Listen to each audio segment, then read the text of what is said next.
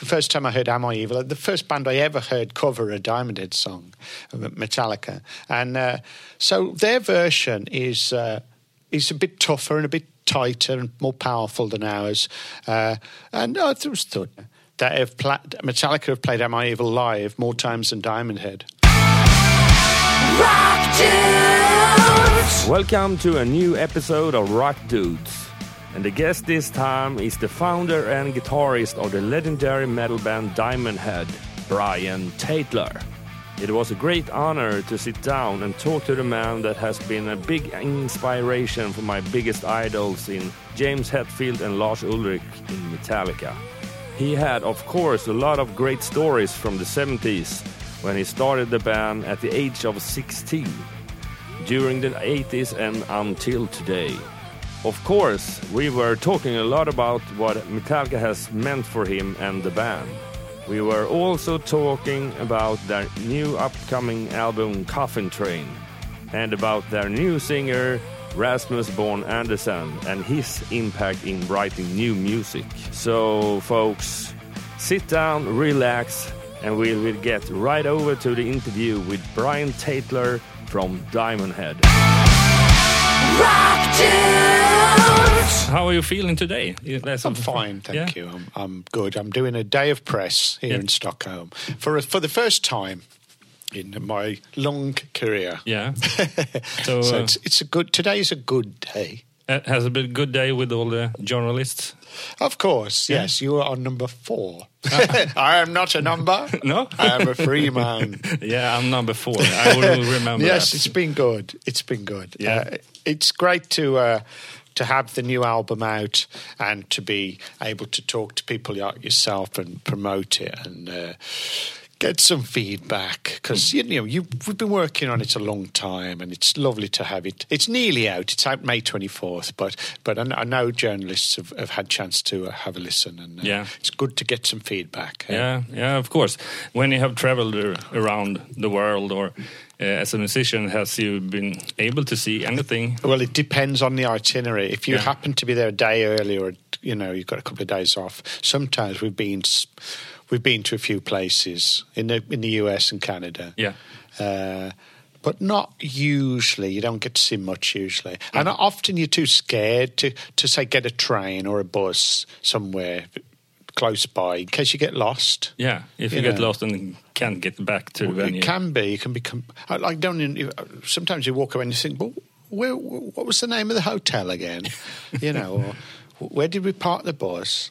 It's and and I'm, I'm too scared to to get really lost. You know, Yeah. take an adventure. In that case, the tour manager has to follow you if you've got step. a tour manager. Yeah. I heard a story where a bus pulled up at a petrol station Hmm. uh, to have a rest, right? And uh, the driver went to sleep, and then one of the guys got off. One of the band got off the bus and went into the shop. He just woke up in the night, and thought, "Oh." I'll go and get some munchies. Mm-hmm. And then the bus driver woke up, right, carry on. So he drove off, Yeah. and the guy was still in the shop. Oh. And then and then hours later, people started waking up and going, "Well, you know, where's Clint or whatever?" and uh, they thought he's not on the bus. So and they figured out he must have got off when Yeah. they stopped. Yeah. And by now they'd been driving for like four hours or No. something. Yeah. That's the story. it's mad, isn't it? Yeah, it's a true story. yeah. But you haven't been lost in that. Lost in Germany. No, No. no. Uh, but the album is called The Coffin Train. Uh-huh. And what's that for you? What's that supposed to be? Yeah. yeah, you, you can just translate Yeah, word by okay. word, but this is what it is. Okay. We were working on titles. We had a few titles each. Myself and Raz would send him his emails, and he sent The coffin train to me. And I said, "Okay, what's the coffin train? And what's that about?" And he said, "I had a dream. There was a train coming towards me, and, and all the carriages looked like coffins. And there was, he mm-hmm. said, there was body parts coming out, and there was a big nuclear explosion in the background, and and." we thought that's a strong image that is of all the titles we had for songs we thought that's a strong image coffin train a train we could we did a sketch you know mm. thought i'll get my brother i told him And he did a train. He drew a train. He said, "What about this?" And you know, and then we we got an artist. We sent it off to this artist. Uh, he did a version. We sent it off to another artist, and uh, he came up with this cover, and we just thought that's that's fantastic because people like trains, and I've seen a couple of covers with trains on, and they always look pretty dramatic and. Uh, so I think this new cover looks brilliant, and probably the best cover Diamond Head's had, at least since Borrowed Time in, you know, '82. But is it uh, just a cover, or is it some symbolic Uh, value yeah, for the album? I mean, obviously, the song uh, is uh, it's the title track from the Yeah. album, so there's that lyric. But it, most of the album's quite a dark lyrical theme, death and uh, the destruction of the planet kind of lyrics. Uh, they're not all about that, but that's there's a fair theme throughout the album, and. Uh, so we just thought it all it all looked right. The the sleeve, the the big, you know, like a train coming Yeah. out here, and the the death kind of motif. So th- some of the riffs are pretty dark and powerful, and you have to go with with how it sounds. Yeah. Um, because yeah, I have been listening to you for, uh, especially in periods, but uh, because uh, one of my biggest favorites band, as many others, is Metallica, uh, and um, and yeah, you have uh, this kind of darkness you have in the new album is pretty new for me uh, in the big picture. Right? And, yeah, um, maybe. I mean, we've we've done dark themes. Yeah, yeah. Am I evil? Is you know, my mother was a witch. She was burnt alive. It's quite Yeah, but quite the, but the, dramatic. but the uh, riffs and th- things like that is Yeah. not that dark. Okay, yes, I see what you mean. But I think it's partly the technology has moved on and we're able to get a, a much more dense production these days.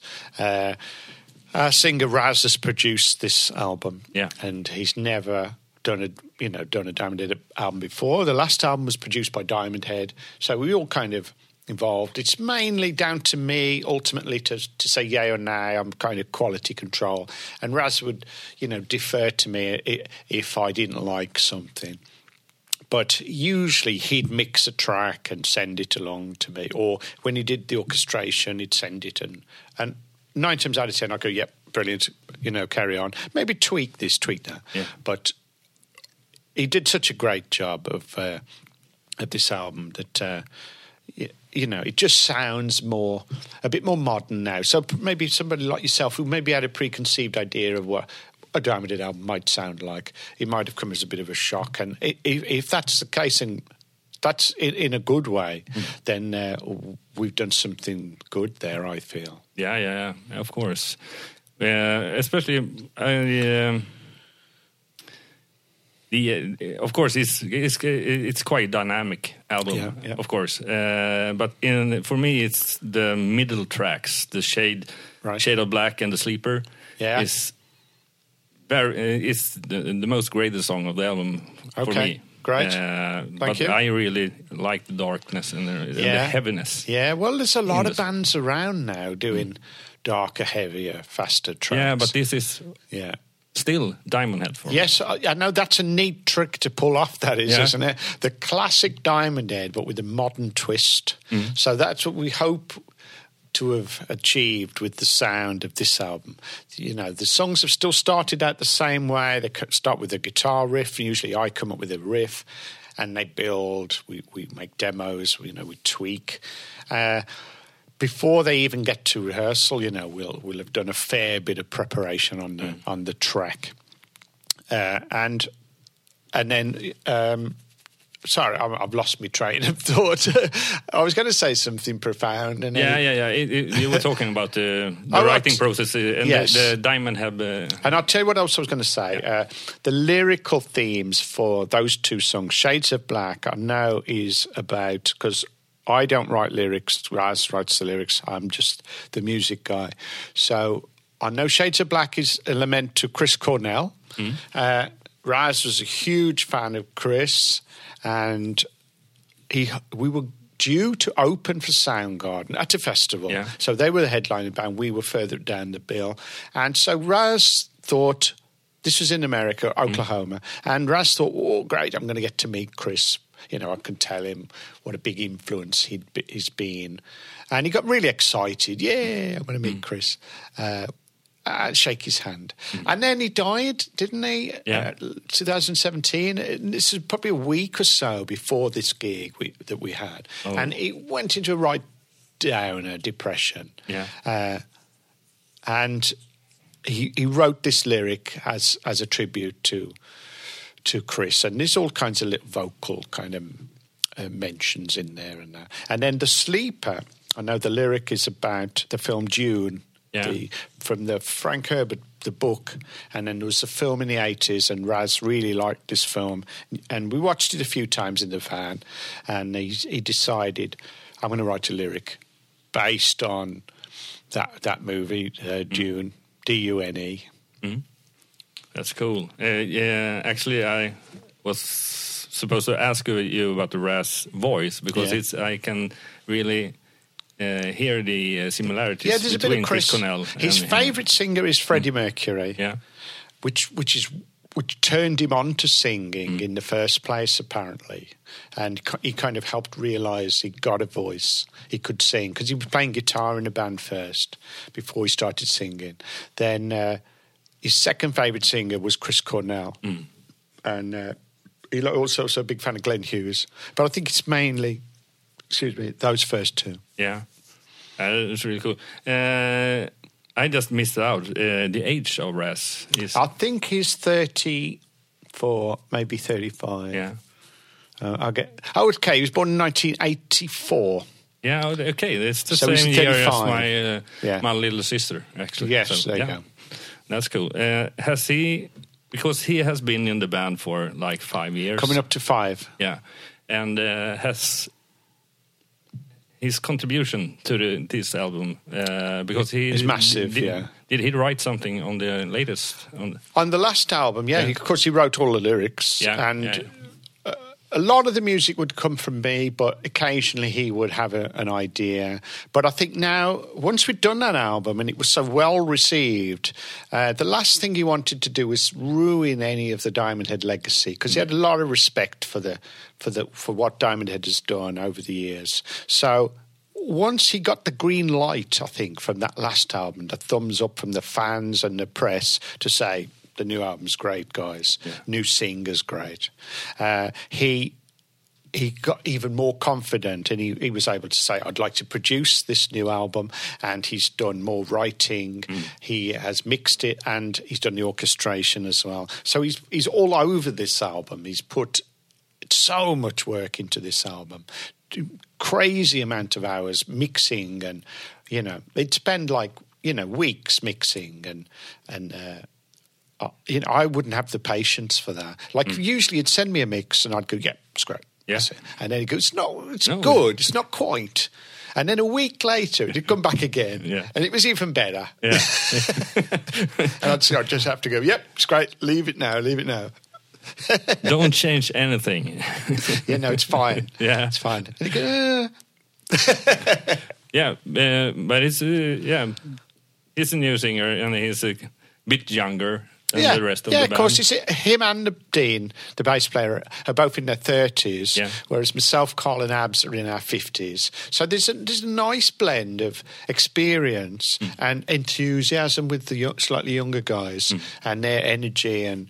They're into social media more, and it's a good compliment, really. Hmm. That they bring to the table th- things we bring to the table, experience and, and knowledge, and, and it, it works well. It's a nice balance. It's a great band. Everybody's very strong. Everybody's got each other's back. We're all pulling in the right direction. yeah, and it was uh, quite good to have the almost the whole production in house. Yes, in, absolutely. Did he So- did he master the Yeah, it- album? as no, well? we mastered it at Metropolis. Yeah. Uh, but everything else, yeah, we did ourselves. Obviously, we didn't do the artwork. We Mm. No, sent no. The, a rough idea, but yeah, we've we paid for it. We recorded it. We Raz mixed it at home.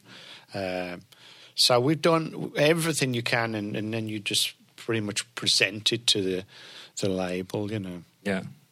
We just talked uh, before the interview about uh, legendary, the the that part, and uh, because in my in the heavy metal world, you are you are a legend. Am I?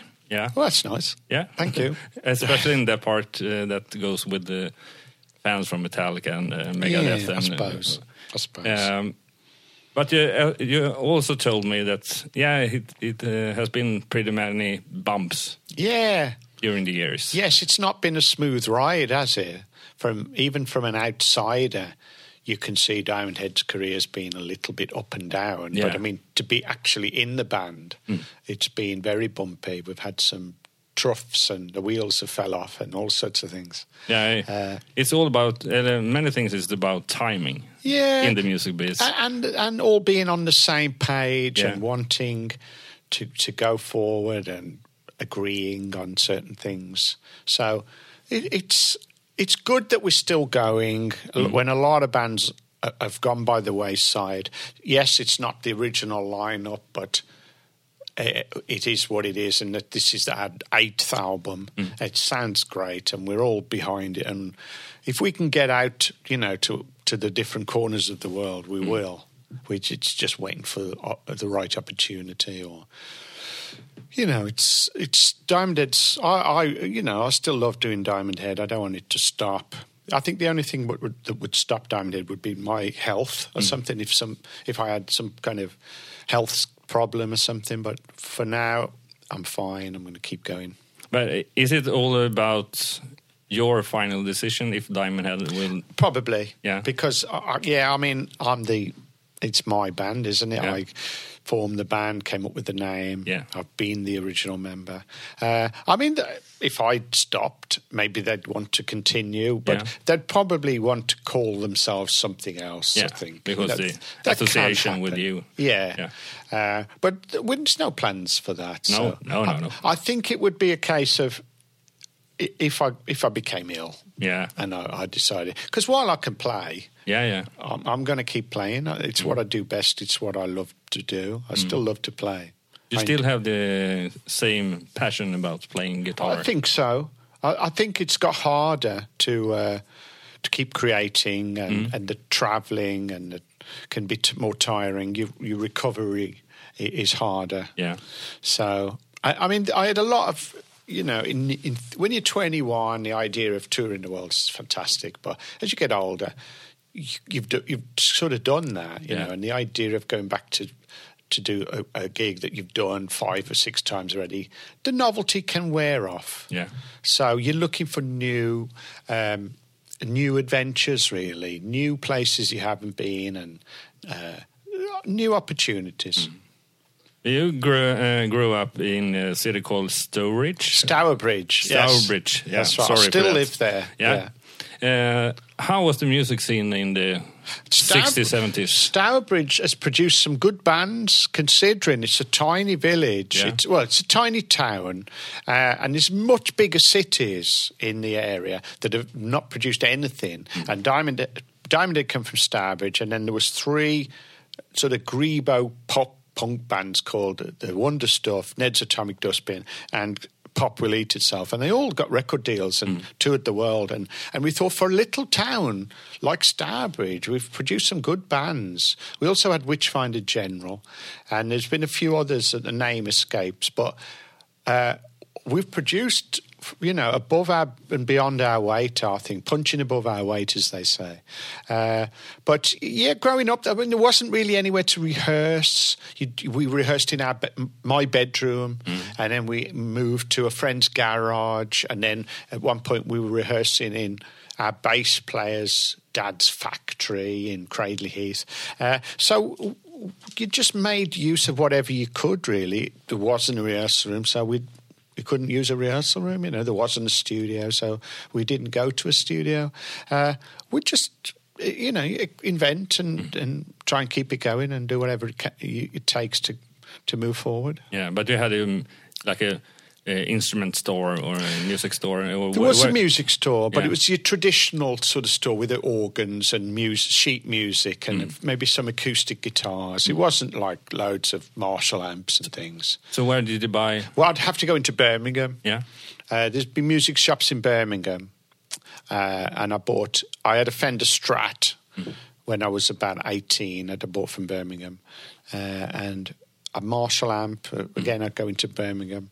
So fortunately, we're, we're about 10 miles away from the second biggest city in the UK.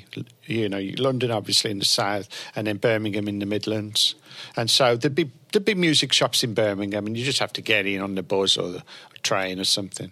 Was it uh, how, how long time uh, did it take to take the bus into Uh, Birmingham? it's about half an hour. Half an hour, so Yeah. that's close. Yeah, it's close. Yeah, but you were pretty young when he started Yeah. Diamond Head, 16. 16 years old. Yeah. And Sean was 15 when he joined. yeah, Because we were all still at school when I formed the band, and I just auditioned school friends.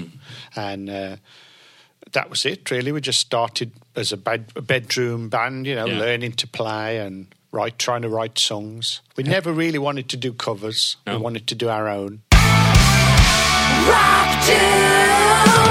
But you were pretty influenced, as I read uh, other interviews uh, from Black Sabbath and Yeah. and uh, especially from Ritchie Blackmore. Indeed, indeed. It was lovely that Black Sabbath were from the Midlands, Yeah. from Birmingham. Uh, and it felt, okay, if they can do it, they've become huge. So they're not from London or LA or something. It felt homegrown. It felt like I, if, if Black Sabbath can, and then Judas Priest not far on their heels, another Midlands band. It felt like Diamond Head could be the next The next thing. one, yeah. yeah. After that, uh, so that was that was really cool to me. Um, sorry, what was the other point you were going to make? No, it's fine. Uh, Okay. no, it's uh, it was. Um, you said something, and I, I, I've lost what I was going to say. it's like me. I just started talking.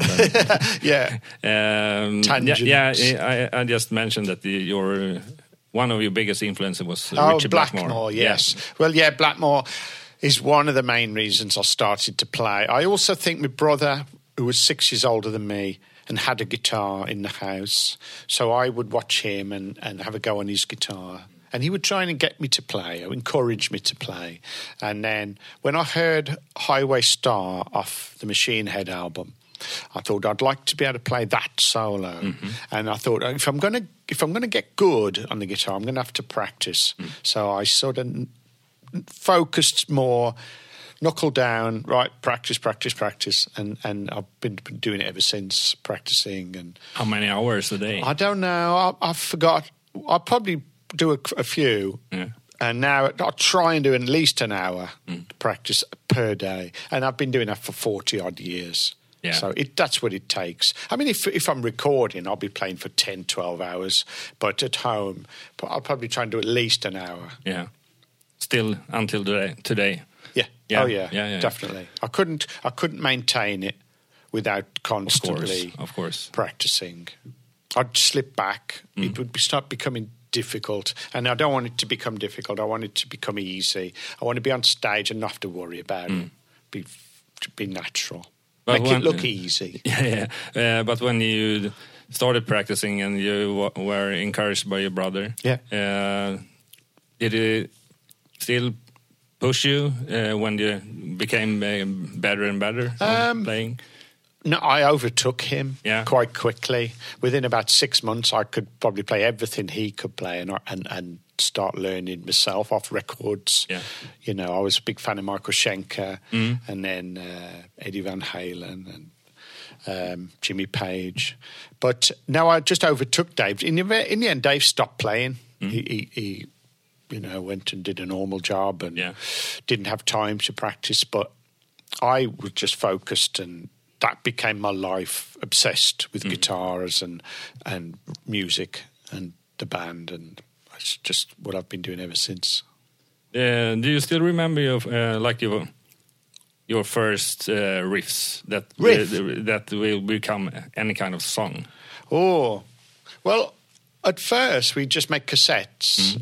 Like back in '76, I've still got cassettes from 1976, and uh, we'd be in the bedroom. Duncan uh, would be on the biscuit tins. I'd be on my brother's guitar. Sean would be making up lyrics, mm. and we'd be writing these terrible songs, really. Heavy metal, you know, simple one string riff with one finger Yeah. sometimes. And but we liked them and thought, you know, mm. this is good. And we'd get better and better, and we'd tape them and we'd we'd, we'd say that that bit's not very good. We'll change that bit, and we kind of learnt our art just simply by listening back and and trying to improve and finding new chords and you know simple. And uh, we just got better at it really i think throughout 77 78 79 so i think I, I kept a little inventory of all the songs and the first song that ever made vinyl was it's electric Yeah. uh, we wrote that in 78 and it, it, it came out on the first album. So we'd written Shoot Out the Lights was our first single, but that was probably written in 79. And uh, as I say, of all this list, I think It's Electric was about number song 43. Okay.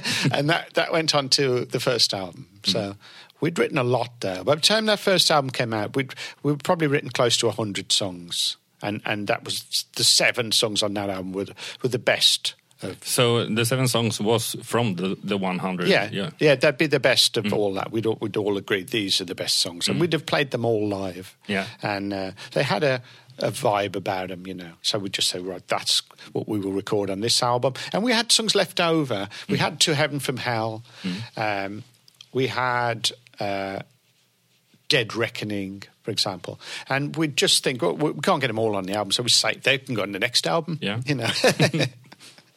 That's good. Uh, but uh, from the start, when the uh, when you started the band '76, uh, how long did it take before you did your first shows? or- Okay. The first show was February 1977. Yeah. So it's about eight months. Yeah. Um, we did it at our old school in the school hall.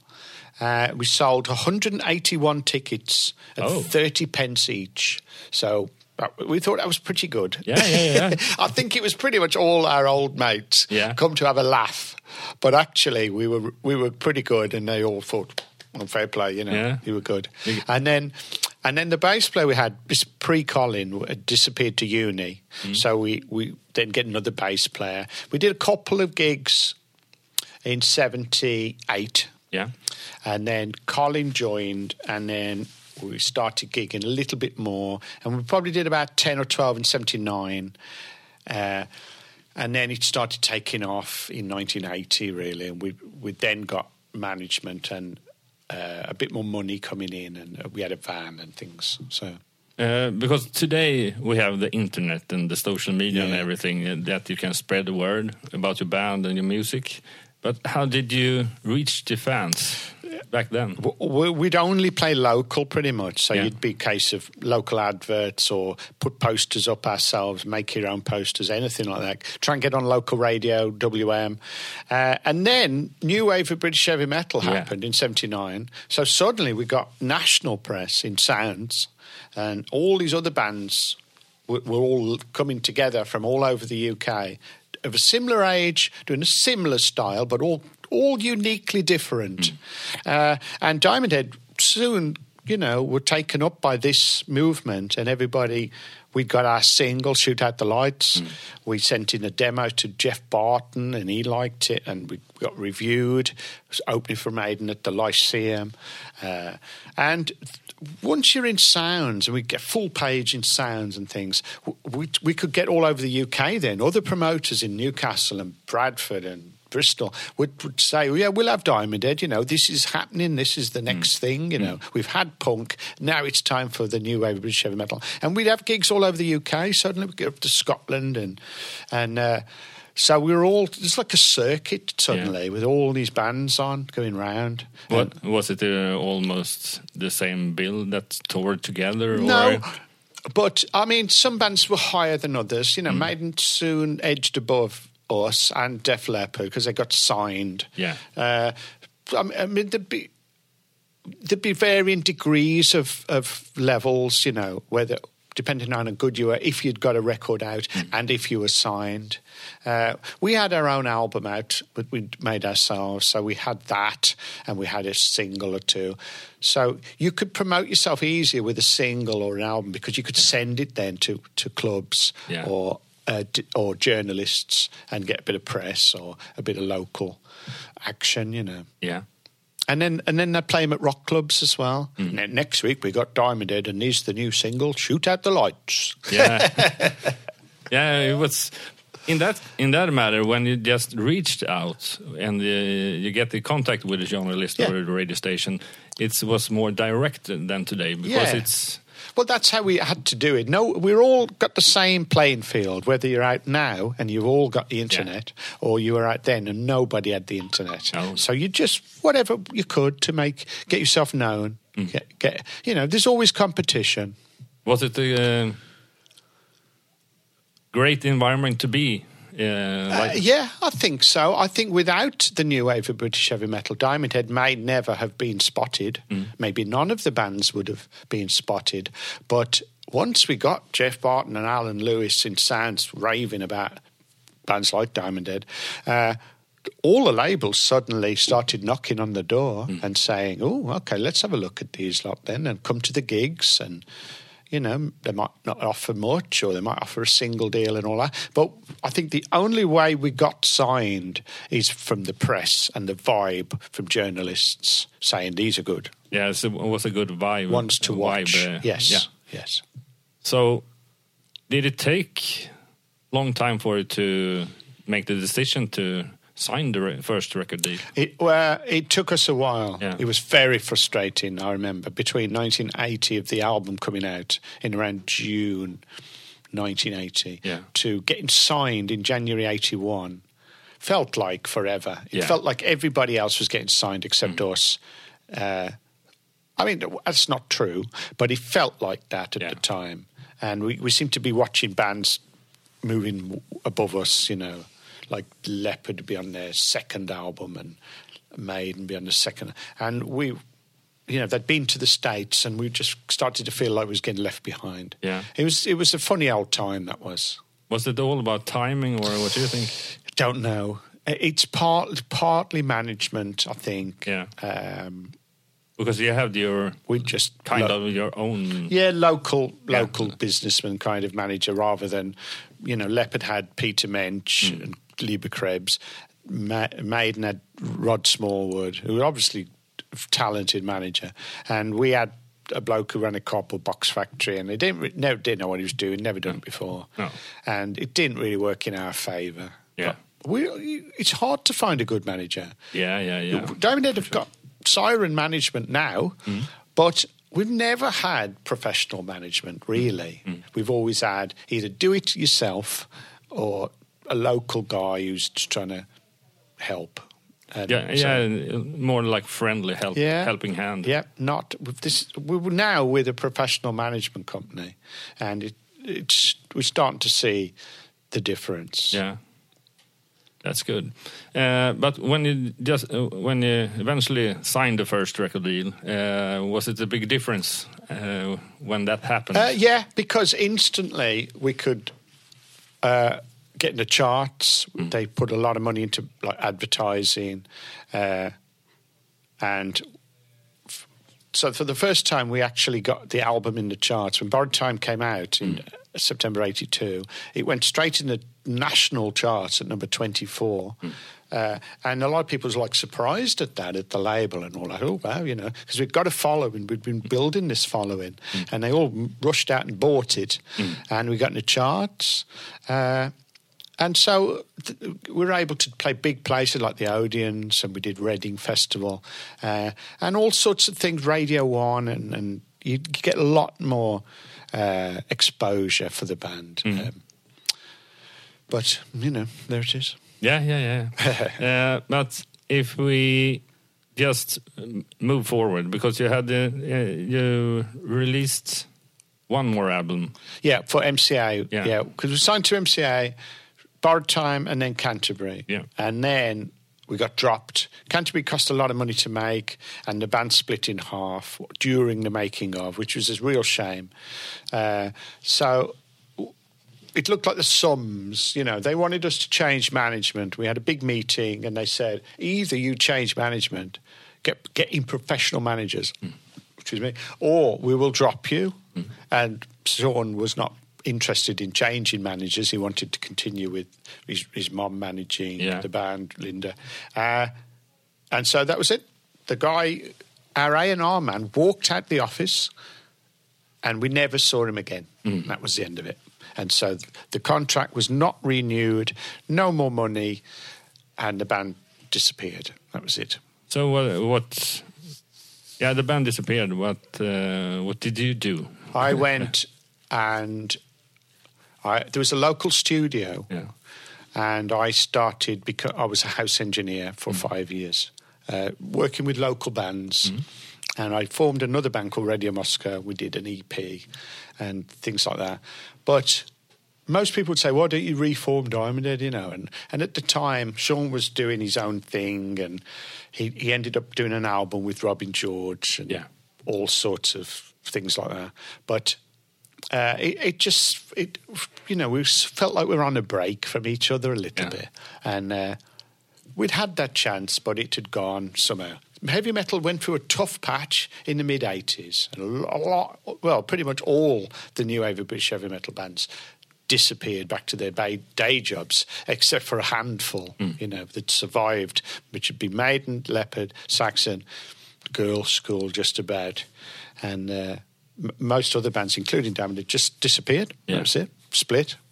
Yeah, yeah, and especially then in the beginning of the nineties, you did uh, release an album in '93. Yeah, which was Death and Progress, which Yeah. is great. I like that album, but uh, unfortunately, we didn't have any longevity after it because, again, Sean didn't want to take it any further. He wanted to do another band, another project with a different name, and we just did that that one Diamond Head album uh, as a kind of contractual fulfillment for Sean, who got his advance, and then he was not interested in doing another one. So, what did you, did you get back to the studio again, or did you do anything else How with your life? Oh, after that, I, I joined a covers band. After that, in 1995, I think I joined a Lizzie tribute band, and then I joined a covers band, and that went up to about 2000. Then we reformed. uh, t- We did some acoustic gigs. Uh, and then, uh, by I mean, by this time, I'm getting royalties from Metallica. from Yeah, the- yeah, yeah, because the- they are recording Yes, from the four Diamond Head songs that they covered. So I was starting to have a much easier life, and I bought a house and things like that. Uh, but you know. Uh, go on holiday. so I had a bit of an easier time by then. I could start to be in the position where I could do whatever I wanted. And uh, so we decided to reform Diamond Head again and, and keep it going if we could. And we, Karl Wilcox rejoined and Eddie, and uh, it's been going since then. And now here we are at album number eight. Yeah, album number eight. and That's that's really really great. But if we just get into the Metallica thing, were you contacted by them when they were, were supposed to do the cover? Yeah, things? they would normally get in touch, either Lars or some a couple of times Peter Mensch would mm. phone and say, "We want to do Helpless. Yeah. can you send us the lyrics or fax them over? You know." Mm. And so we'd do that, mm. and then uh, that's it. And then they'd set they'd send us the album, you know, or the EP. And oh, okay, great, you know. And then eventually royalties would trickle in. Yeah. What did you think of the versions? Great. I, I always thought that, you know, they're very powerful. They're a great band. So I always liked their versions. It was all really flattering, especially the first time I heard Am I Evil? The first band I ever heard cover a Diamond Head song, Metallica. And uh, so their version is, uh, is a bit tougher and a bit tighter and more powerful than ours. Uh, and I just thought, you know, it's great. At first, it was La. It felt like Lars's band. You Yeah, know, they yeah. weren't big in '84, uh, and I was just flattered. And it's, they've gone on to cover four Mm. in total, and it's been it's been a real blessing. Yeah. Is the royalty royalty thing a big thing for you to, Yeah. uh, up to today? It is my main source of income. Yeah. Yeah, it's great. Because they're playing then the songs pretty. Yeah, Pretty well, often. and, and they're selling. You know, yeah. Garage Inc. did at least five million, and uh, they have pla- Metallica have played "Am I Evil" live more times than Diamond Head, so that, that's a PRS royalty. Yeah, yeah, yeah. It's a more, uh, many layers of Yeah. getting royalty. Money. Am I Evil is on at least 18 different Metallica releases. That's cool. Mm-hmm. Uh, do you have a like a friendly relationship with them as, as well, yeah, or yeah, yeah. I, I met them last uh, uh, two years ago at uh, in Birmingham. They played the NEC, and Mm. uh, yeah, we went backstage and said hello and all that. Got some pictures, was signed Yeah. programs and things. So yeah, they always make that effort every time they come over. I've seen them about twenty four times, Yeah. twenty five times, and every time they come to the UK, I'll get a call or an email or you've only got to ask, you know, Mm. uh, passes. Can we get passes for Reading? Yeah, no problem. How many do you want? So I, I just go and it's always good. Good. I'm VIP for the day. Yeah, because when when you, I have seen a couple of pictures on social media when either James or Lars Hmm. had taken like a selfie with you, and they seems like the fanboy. Yeah, I think so. I think especially Lars is still remembers being 17 and uh, meeting Diamond in maybe. But Yeah. uh, we, we took to Lars, you know, we, he stayed at my house for a week, uh, stayed with Sean for about a month. And then I've stopped at his house a couple of times or two of his houses and uh, over the years. And so there's still that. You know, connection. I think he'll always be grateful for the little bit of hospitality that we showed him, and we'll always be grateful that that they didn't just, you know, borrow from us, shall No, we no, no. say, Yeah. but they actually covered us. yeah, Because they could have just they had a few ideas and called it their own. yeah, yeah, yeah, yeah, yeah. Especially if you in total another genre like hip hop and things like Yeah. that. They just Or, or you know, even Borrow. Zeppelin, you know, Yeah, yeah. appropriated a few blues riffs Mm. into their armory, didn't they? of course. So, if we just, uh, yeah, it seems like music and guitar playing has been a big passion for you for the whole life, mm-hmm. of course. But You're still playing. course.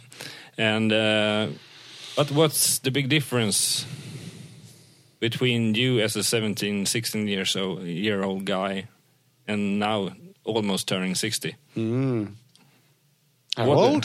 Why? Okay. why? Um, Didn't mean to. I don't know. I, I'm still. I've still got a passion for music. I still sit and listen to music. I've still got a lot of albums that I listened to back then, and I'll still listen to them now. I could put Led Zeppelin two on and enjoy it right now. Um, all I've done, uh, you know, I've got older and wiser. Hopefully, uh, I've experienced the ups and downs. I've read many a r- record contract and publishing deal, so I know a bit about the background pro- stuff that goes on. Yeah. I see problems before they're coming, rather than naively just wait for them to smack me around the face. You know, I can work out. Okay, well, if we do this, we need to do that, and what about if that happens? And you know, sort of mm, you know, where are we going with this type thing? Uh, but ultimately, all I just want to keep playing. I, I want to keep the band together, I keep it going, enjoy playing music, enjoy going to countries we've not been to before, playing places we've never been to before. There's still a novelty in that. Hmm. I don't. I'm not, you know, frightened of flying or anything. I, I still enjoy the, the the journey, shall we say? Yeah, and I, I'm pretty curious about the new release of the new Coffin Train album because I think really you can get some new fans on I the road think as so. well. Yeah, I think that was Raz's intention to try and appeal to a, a bit of a younger crowd. Because uh, we always think with the Diamond Head diehards, Yeah. they're going to like it pretty much. Yeah, I think so And they're going to buy it because they've got to have it in their rack Yeah. next to the last one, you know. And they may not, even if they don't like it, they'll still buy it. Yeah. What you've got to get is, is people who've never bought a Diamond Head album before. Yeah. Why should they like it? Okay, because they've listened to it and it sounds great. And that's probably what you've got to get. Yeah. And that's that's not easy. Because why should they like an older band? Because there's so many new bands. Yeah, yeah, yeah. You know, this is what my dad used to like them. Yeah, yeah. If, if you're a kid of, from a parent that liked Yeah. you back in the You- days, It takes some doing. yeah, Yeah. of course. Uh, have you put in like some extra things uh, to uh, release it as a vinyl package? Yes, well, it's, it's, we've mastered it for vinyl. Yeah. So it's coming. I haven't got one yet. I've got some CDs, Mm. but I haven't got the vinyl yet. I, You've got to do vinyl now. It's it's come back. Yeah, it? it's a really, really Amazing. good comeback Who for knew? vinyl. Yeah. Yeah, who knew that for like We'd five, have ten opened a record shop, wouldn't we? Yeah, you have uh, like it's been a pretty trend in Sweden to have like to trade vinyls Oh, between each other. I've Uh, kept my vinyl. yeah, I, I- probably chucked 50 or 60 away when I thought I'm never going to play these again. And But I've probably still got about 150 vinyl Hmm. at home. Uh, and I still like them. I want to keep them, you know. Dark Side of the Moon and things. Yeah. They're classics, aren't they? You can't get that rid of it. never them. dies. No, i'll live forever. Yeah. It's, it's a work of art. Yeah, of course, and and, and the display the, is pretty different from a CD because the CD Yeah. is small and Yes. the vinyl is big. Lovely. Big artwork, gatefold, poster inside, stickers. Fantastic. Yeah, that's really great. I think we're pretty much done. Okay. I w- really want to thank you so much for the, doing this. Yeah, I'm glad you enjoyed it. yeah. thank you. Rock Dudes! Thank you, dear listeners, for listening to Rock Dudes 84 and the guest Brian Tatler from the legendary metal band Diamond Head. Such a great episode, don't you think? I was really satisfied sitting down and talk to Brian about his long career and what the great support from Metallica has meant for him. Please visit our social media network like Facebook, Instagram, YouTube, and Twitter search for Rock Dudes Podden. Please go into our Facebook page and write a comment about what you think of this episode or what you're thinking about our podcasts. If you have a good proposal on which our next guest in a future episode should be, please send us a message through our Facebook page. If you rather do it by email, send it to rd at rockdudes.se. The jingle was recorded by Jonas Hermansson, Peter Månsson, and Mia Colhart. And the episode was recorded and edited by Jonas Löv. The next episode of Rock Dudes number 85 will be about beer, brewing art, and Swedish death metal. The guest was growing up in Mexico City, and his name is Andres Furukawa and he is also the founder and owner of Macken Brewery. I think that episode will be a killer. Until then, Rock on! Rock tunes!